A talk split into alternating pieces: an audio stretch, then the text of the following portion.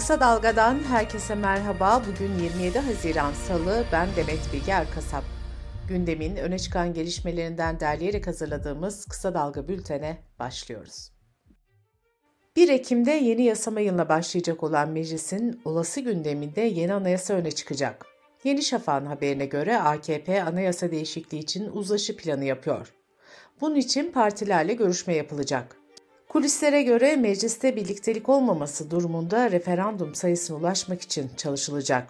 Geçen yasama döneminde CHP'nin yasa teklifiyle gündeme gelen ve AKP'nin anayasa değişikliğiyle cevap verdiği başörtüsüne anayasal güvence getirecek değişikliğin de raftan inmesi bekleniyor.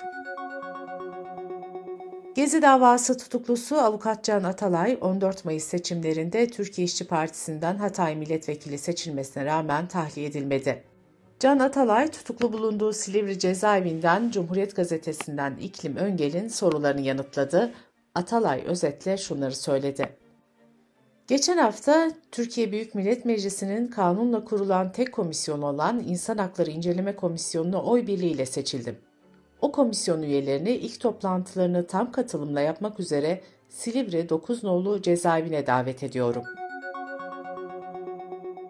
Deva Partisi Genel Başkanı Ali Babacan seçim sonuçlarına ilişkin kapsamlı bir değerlendirme yaptı. Babacan, bizim kimseye en ufak bir borcumuz yok. Bugün seçimi helalinden kazanmış, başı dik, alnı açık 15 milletvekilimiz var, dedi.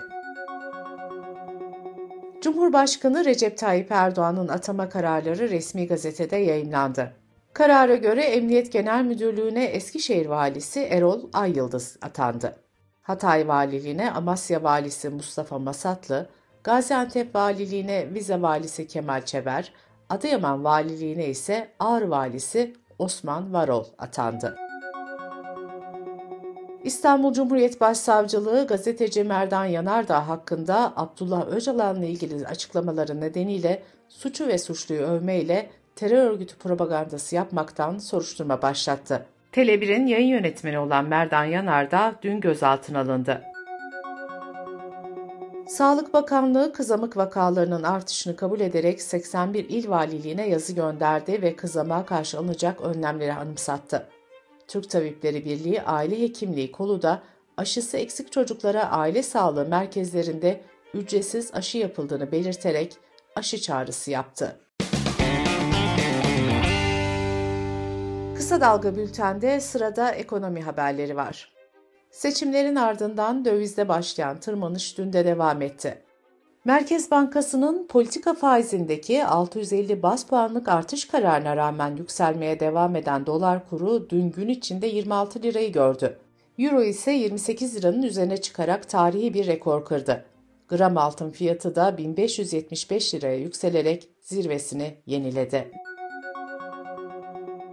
Türkiye Giyim Sanayicileri Derneği Başkanı Ramazan Kaya, asgari ücretli bir çalışanın yemek, servis ve kreş yardımları ile beraber işverene maliyetinin 800 dolara ulaştığını öne sürdü.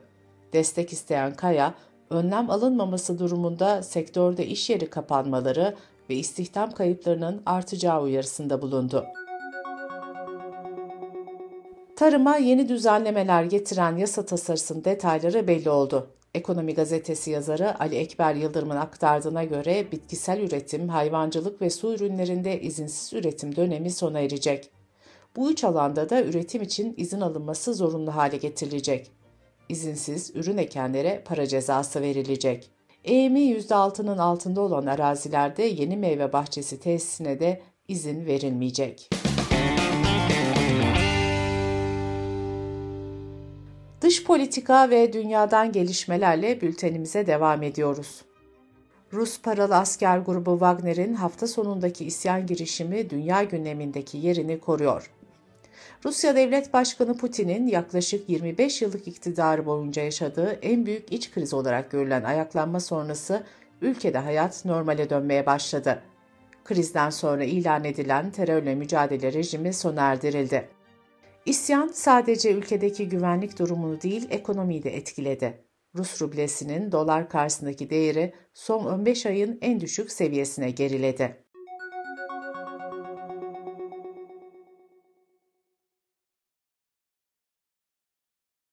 Rusya Savunma Bakanı Shoigu, Wagner isyanından sonra kamuoyunda ilk kez Ukrayna Savaşı'na katılan birlikleri ziyaret ederken görüntülendi.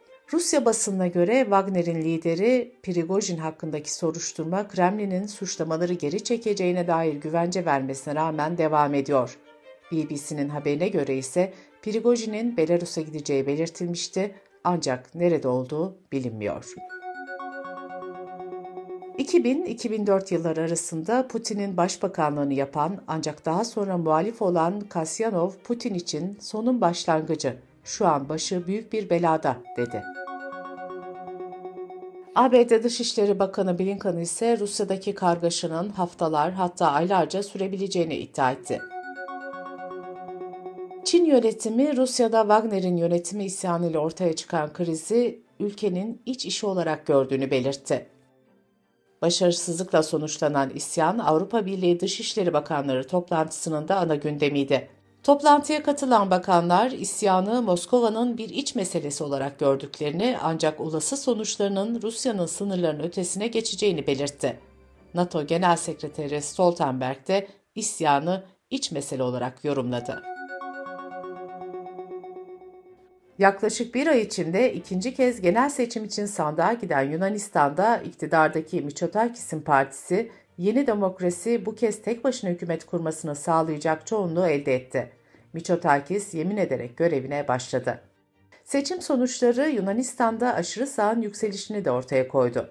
Cezaevindeki eski Altın Şafak liderinin desteklediği aşırı sağcı Spartalılar Partisi %5'e yakın oy alarak mecliste 13 sandalye kazandı. Aşırı muhafazakar Niki ve Milliyetçi Yunan Çözümü partileri de %3'lük seçim barajını aşarak meclise girdi. Sosyalist Siriza'nın lideri Çipras ise aşırı sağın %13'ü bulmasının Yunanistan demokrasisi için belirgin bir tehdit olduğunu söyledi.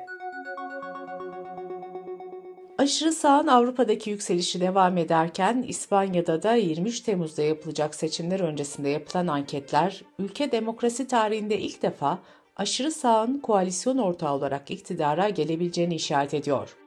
Polonya, Macaristan ve İtalya'nın ardından İspanya'da da sağ ve aşırı sağ işbirliğinde bir hükümet kurulması halinde bu durumun Avrupa Birliği'ni de etkileyeceği belirtiliyor.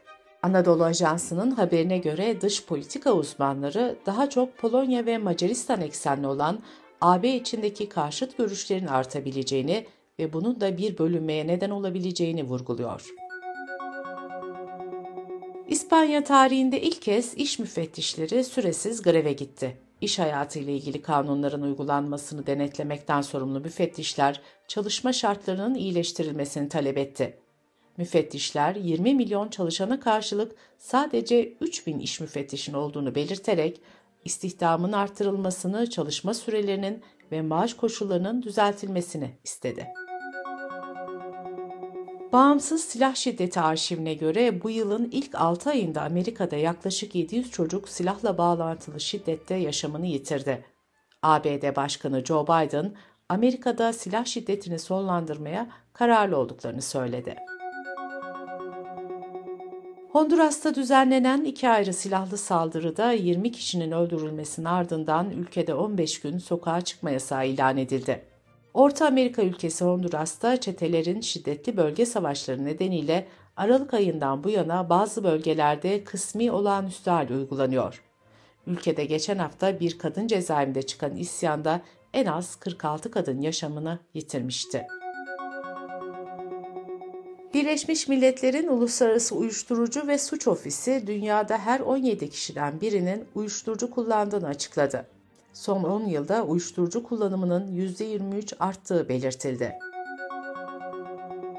1912 yılında batan Titanik'in enkazına düzenlenen turistik gezide kullanılan denizaltıda meydana gelen ve 5 kişinin ölmesine yol açan patlamanın aydınlatılması için uluslararası kurumlar tarafından çalışma başlatıldı. Soruşturma ekibinde ABD Sahil Güvenliği, ABD Ulusal Ulaştırma Güvenliği Kurulu, Kanada Ulaştırma Güvenliği Kurulu Fransız Deniz Kazaları Soruşturma Kurulu ve Birleşik Krallık Deniz Kazası Soruşturma Şubesi'nden müfettişler yer alıyor. Araştırma ekibi Titan isimli denizaltının başına neler geldiğini araştıracak. Bültenimizi kısa dalgadan bir öneriyle bitiriyoruz.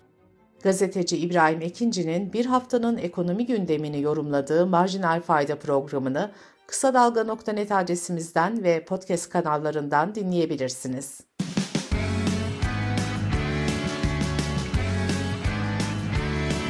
Kulağınız bizde olsun. Kısa Dalga Podcast.